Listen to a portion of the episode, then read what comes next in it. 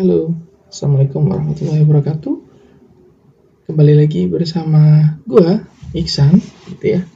Di episode kali ini, episode kedua, gue bakalan cerita nih pengalaman tentang menikah gitu. Jadi judulnya untuk episode kedua ini adalah nikah muda, kenapa enggak? Ya mungkin pembahasan kali ini bakalan sharing tentang nikah muda, ya banyak ya banyak mungkin yang jadi kontroversi buat teman-teman gue khususnya yang belum siap nikah gitu.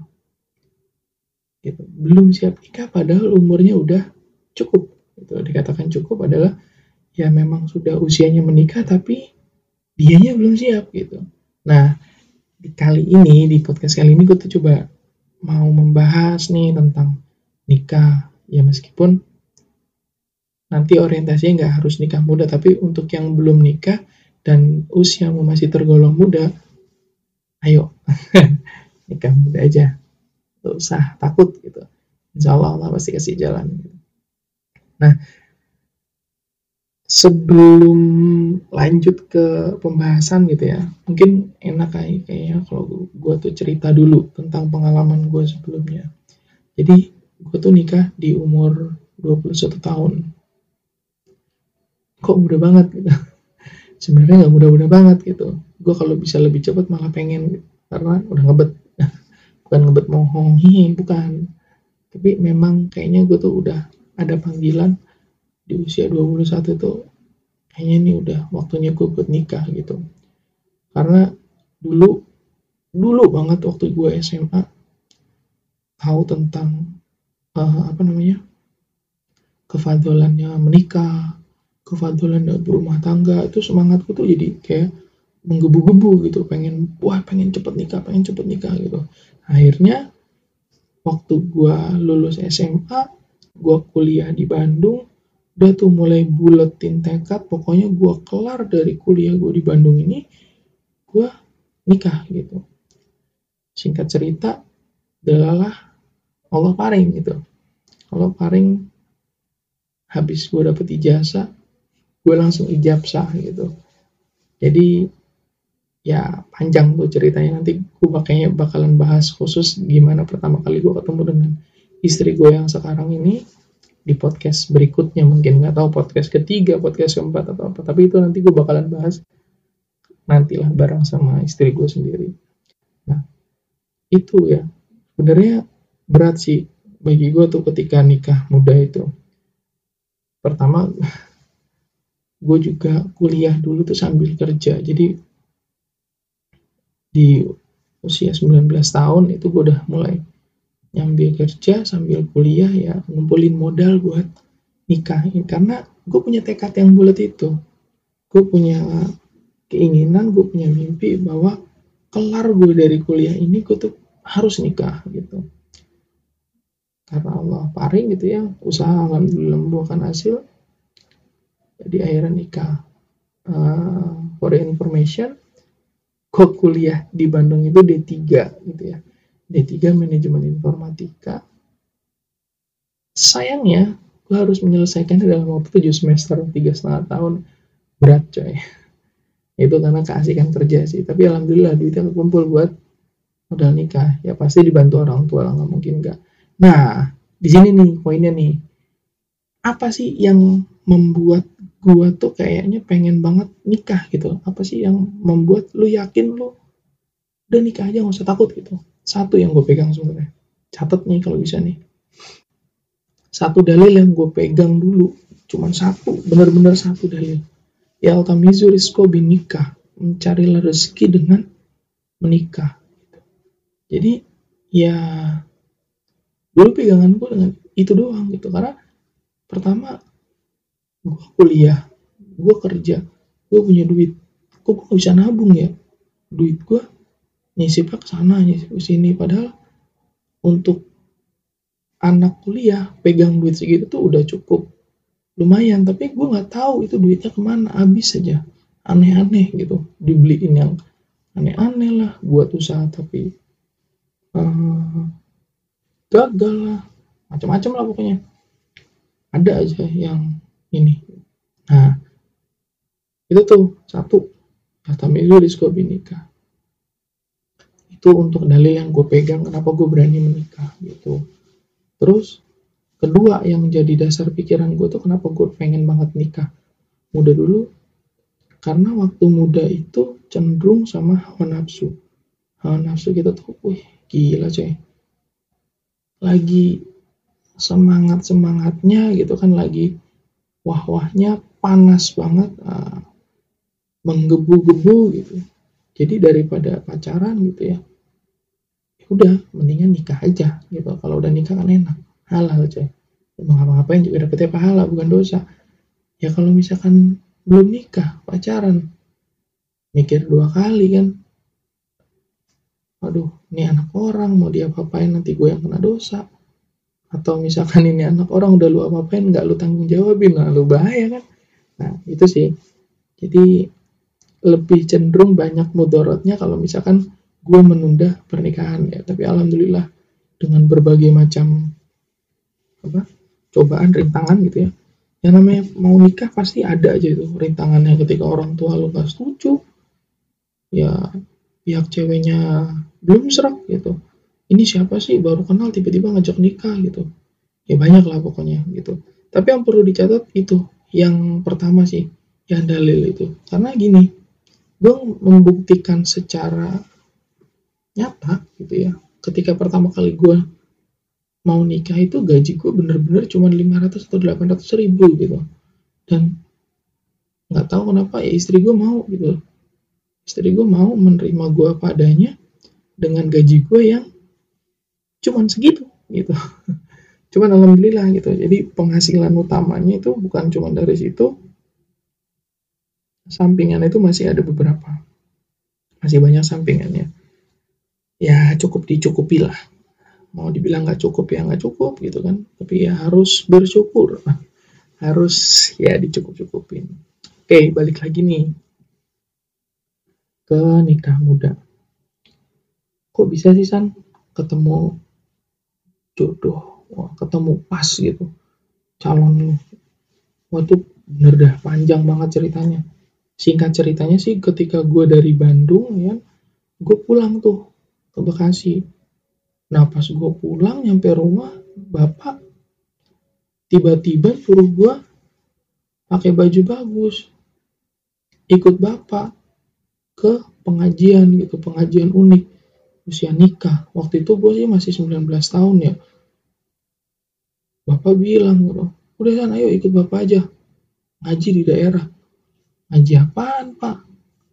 Wah ternyata ngaji khusus gitu. Ini ada kayak sesi di mana yang ngaji sambil perkenalan gitu tentang remaja-remaja, remaja-remaji gitu di satu pengajian. Nah, akhirnya gue tuh ada yang menarik perhatian gitu, satu cewek.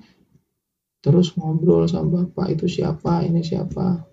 Ngobrol sama bapak, sama sama orang sana, ketemu, wah ternyata dia juga lagi pengen nikah. Tapi kondisinya itu gue masih seumur 19 tahun gitu di sana. Ya udah kan gue juga masih ngurusin kuliah gue di Bandung. Ya udah gitu gitu aja. Nah lala satu tahun berlangsung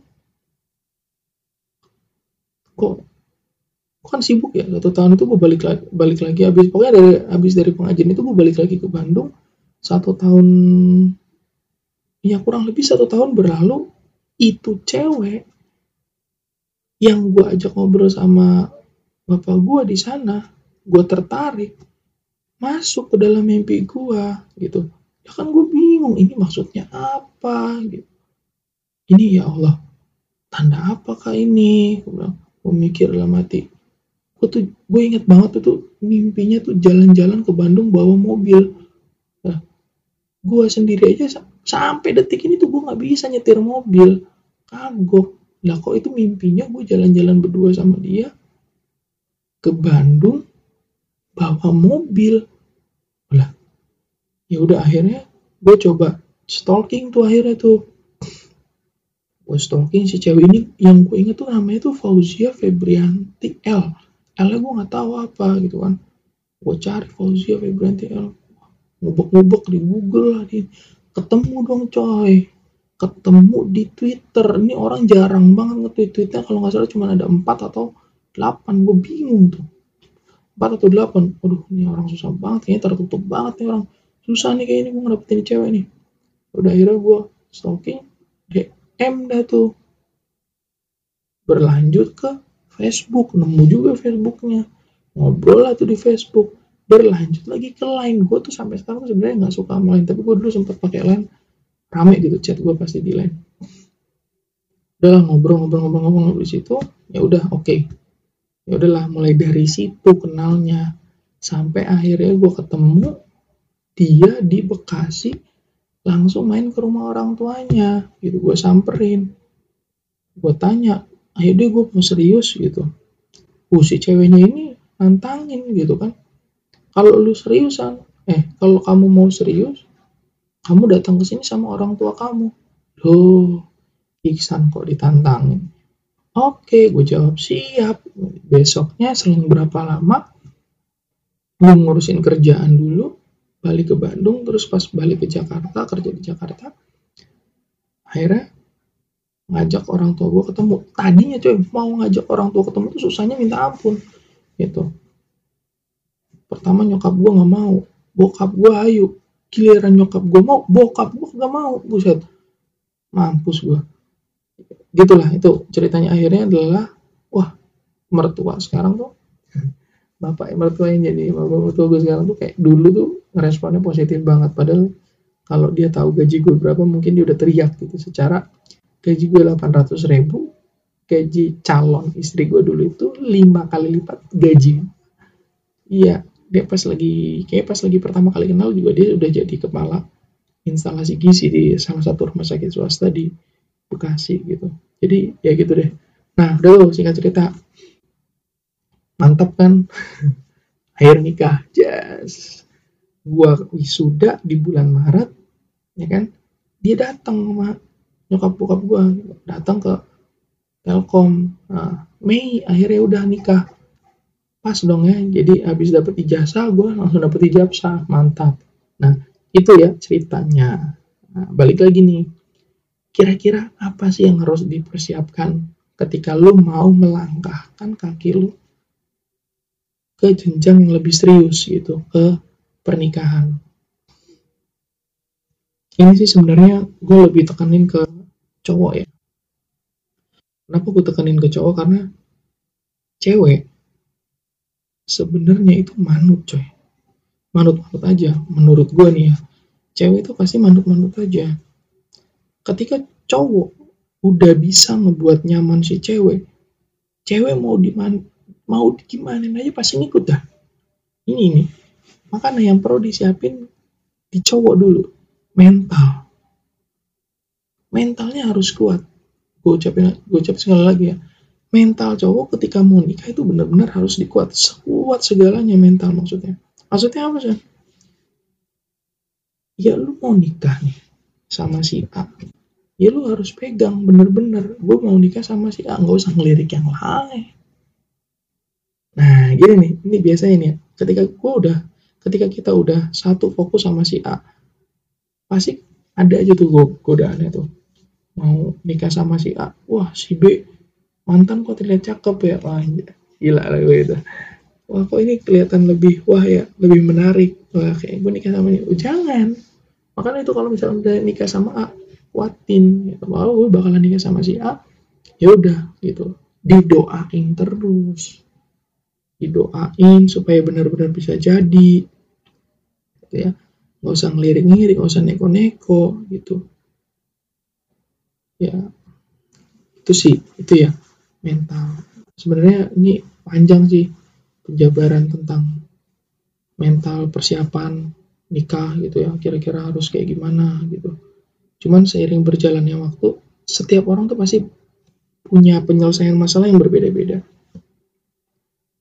Nah, tapi yang benar-benar harus disiapin sih dari mental. Kenapa? Karena setidaknya gitu ya, jadi cowok ketika lu mau nikah, lu udah bisa memprediksikan what will happen in the next gitu. Jadi ya lu bakalan berbagi dengan istri lu berbagi penghasilan segala macam kayak misalkan harus sharing ini sharing itu lu mau tinggal di mana itu kan mau ini apa tapi bukan berarti itu dipikirin terus lu apa ya susah gitu enggak gitu itu dipikirin sambil dijalani nanti kalau misalkan kita mikirin segala kendala yang ada di depan itu agak bakalan jadi-jadi. Masalah itu ada untuk dihadapi, bukan dihindari. Kalau ngindar terus, buset kagak jadi-jadi lo jadi manusia. Gitu. Jadi aja monyet. Eh maaf. Bener gitu. Jadi jangan jangan inilah, jangan takut sama masalah-masalah itu pasti buat kita kuat kok. Kenapa bisa aku bilang masalah itu bisa buat kita kuat? Ibarat kata main game. Untuk mencapai level yang tertinggi, itu kita kan harus melewati, menyelesaikan level-level sebelumnya gitu. Jangan disamain kayak misalkan lu pengen masuk ke sana, lu punya orang dalam gitu. Tuh tiba-tiba lu sampai nggak bisa kayak gitu. Namanya ujian kehidupan itu ya harus benar-benar lewati apalagi soal menikah ini waduh berat sebenarnya. Tapi bener deh ini yang gue cat gue apa camkan dalam diri gue sendiri. Bahwa Allah itu sayang sama hambanya dengan memberikan cobaan. Benar. Allah sayang kepada hambanya dikasih cobaan kalau misalkan hambanya ini kuat menahan cobaannya kuat bersabar itu yang gak ngeluh mulu malah lebih mendekatkan dirinya kepada Allah gitu. Takarub ilallahnya semakin erat gitu. Wah semakin sayang Allah nih gitu. Akhirnya akhirnya kita diberikan kemudahan-kemudahan dalam segala hal. Sama gitu. Ketika kita ada halangan kita kira ada cobaan gak gak bisa untuk nikah gitu. Coba deh deketin Allah gitu. deketin Allah gimana caranya gitu. Ya sholat gitu kan. Doa sepertiga malam itu sih yang biasanya gue lakuin kalau misalkan gue pengen deket sama Allah gitu. Kadang-kadang ketika doa sepertiga malam itu gue malah kayak ngerasa dekat tiba-tiba nangis sendiri nggak jelas gitu kan. Tapi habis itu kayak hati gue tuh enteng gitu. Tenang. Ya itu pokoknya ya. Aduh lanjut lagi deh ke mana tadi? Kok jadi ngalur ngidul nih ngobrolnya? Kalau dari sisi cowok tuh mental balik lagi. Dari sisi cewek gimana? Cewek sebenarnya ngikut aja. Tapi nih yang yang boleh kalau misalkan gue boleh nyaranin ke teman-teman cewek gue apa sih yang mau dicari di dunia ini buat ceweknya? Mau ngejar karir setinggi mungkin? Atau mau menikmati masa-masa sendiri? Mau sampai kapan? Mau sampai kapan kita menikmati masa sendiri masa lajang? Padahal di depan itu tuh udah banyak cowok yang mungkin atau bahkan ada temen gue yang cewek udah dilamar bolak-balik dia masih belum berani mengincar kakinya untuk melangkah lebih maju untuk melakukan dalam pernikahan. Entahkah itu dia masih pengen aku gue masih pengen jalan-jalan belum pernah ke sini belum pernah ke sini. Gue masih keliling Eropa dulu atau gue bisa pengen jalan-jalan ke Asia. What the heck man? Jangan gitulah. Gitu kalau boleh saran nih kalau nggak boleh ya udah nggak apa-apa. Cuman apa nggak pengen gitu? Apa nggak pengen membina suatu keluarga gitu. Pahala lu juga bisa lebih karena bersama keluarga ada imam sholatnya gitu. Ada yang harus lo tadimi gitu. Itu kan lebih enak. Belum lagi nanti ketika udah berkeluarga lo punya anak. Anak itu menjadi apa ya? Pelipur lara menurut bagi gue lu capek kerja capek sana sini pas pulang ngeliat senyum anak lu ngeliat anak lu teriak ayah atau teriak ibu lepas coy. Rontok itu bener. Capek. Capek capek semuanya rontok. Nah itu sih yang pengen gue sampein. Intinya buat cowok bener-bener harus disiapin mentalnya. Jangan sampai goyah kalau misalkan lo yakin mau maju maju. Jangan ragu. Ibarat orang nyebrang ragu ketabrak coy udah yakin aja maju yakin blek blek blek, blek, blek maju. Terus alhamdulillah sampai. Yang cewek juga begitu. Sekarang tuh populasi di dunia atau di Indonesia cewek cowok satu banding berapa gitu. Jadi mau cari cowok yang se perfect atau sesempurna apa pun susah kayaknya. Karena ya stok cowoknya udah semakin sedikit persaingan ceweknya semakin banyak gitu jadi susah. Kalau emang udah ada yang serak katakanlah agamanya oke nyambung gitu udahlah ayo gitu. Insyaallah Bismillah barokah. Nah ada nggak sih San? Kayak misalkan kekurangan atau kelebihannya nikah muda. Banyak sih sebenarnya. Yang namanya kelebihan pasti ada kekurangan. Nah, ini kalau menurut gue pribadi ya kelebihannya atau manfaatnya nikah muda. Menurut gue nih, umur umur itu ngaruh banget sih. Jadi ketika lu nikah muda, misalkan lu nikah umur 21 tahun kayak gue gitu. Nah ketika nanti lu udah umur 40 tahun gitu, anak lu udah umur berapa, udah dewasa, udah enak diajak ngobrolnya gitu. Ini ini yang yang gue rasain juga ketika gue sama bokap gue sendiri. Jadi bokap gue juga nikah muda kebetulan. Kebetulan bokap gue nikah di umur 22 tahun. Dan ketika gue gede ya udah gue sama bokap gue udah kayak temen gitu. Main badminton gitu kan. Main badminton dari kecil ya. Ngobrolnya udah beda gitu. Topik yang dibicarain ketika gue ngobrol sama bokap gue udah beda. Uh, tingkatannya udah beda. Bukan lagi obrolan anak-anak ketika gue dewasa. Gitu. Itu pertama. Kedua proses pendewasaan nih.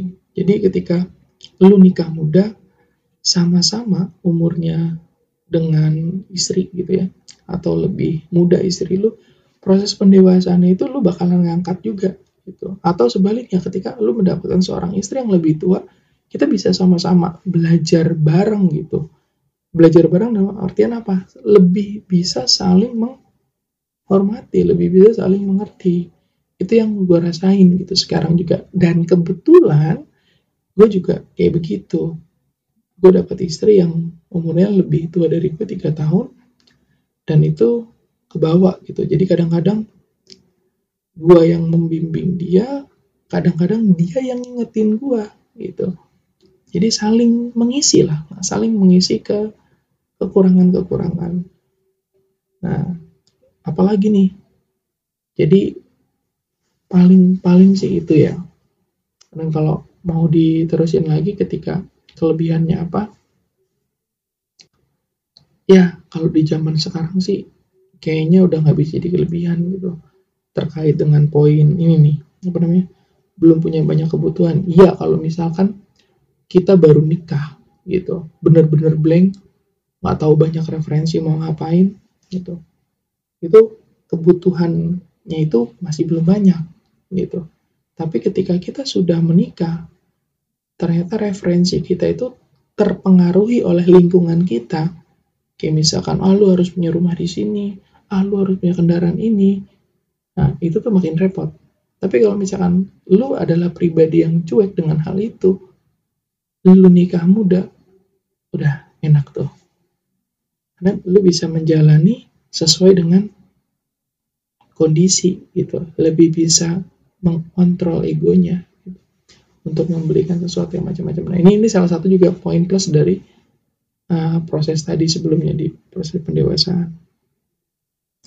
Kekurangannya apa? Kalau kekurangannya mungkin ya ini kekurangannya nikah muda itu rawan perceraian ya sih.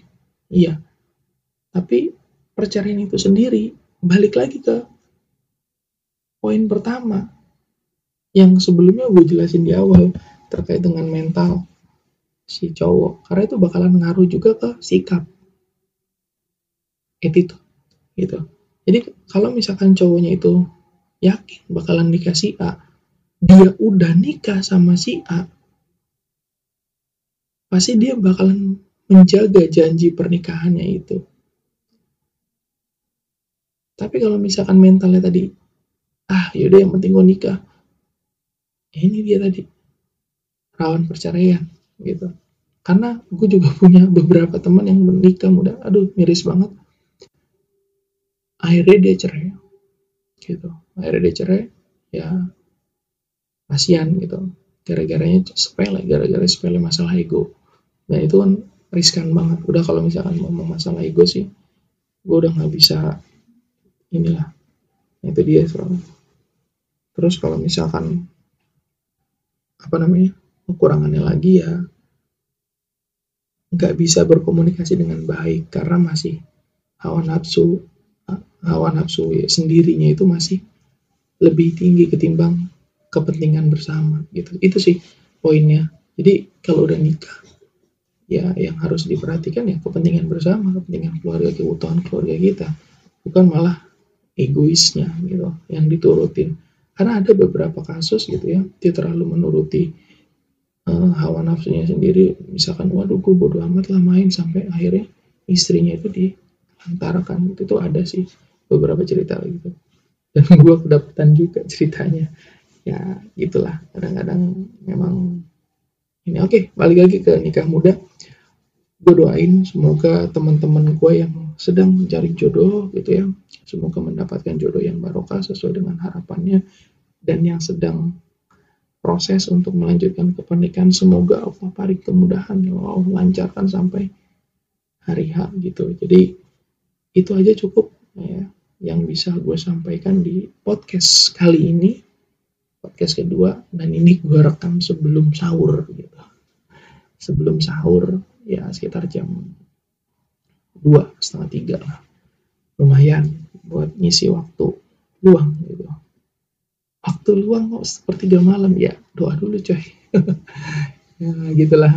Oke. Ya oke semoga ada manfaatnya. Mohon maaf kalau misalkan ada kata-kata yang kurang berkenan atau yang sedikit menyinggung. Terus terang ini nggak ada untuk menggurui atau apa. Ini hanya based on my experience atau ya begitu terima kasih banyak. Udah mau mendengarkan. Alhamdulillah jazakumullah khairan akhir kata dari saya assalamualaikum warahmatullahi wabarakatuh. Bye bye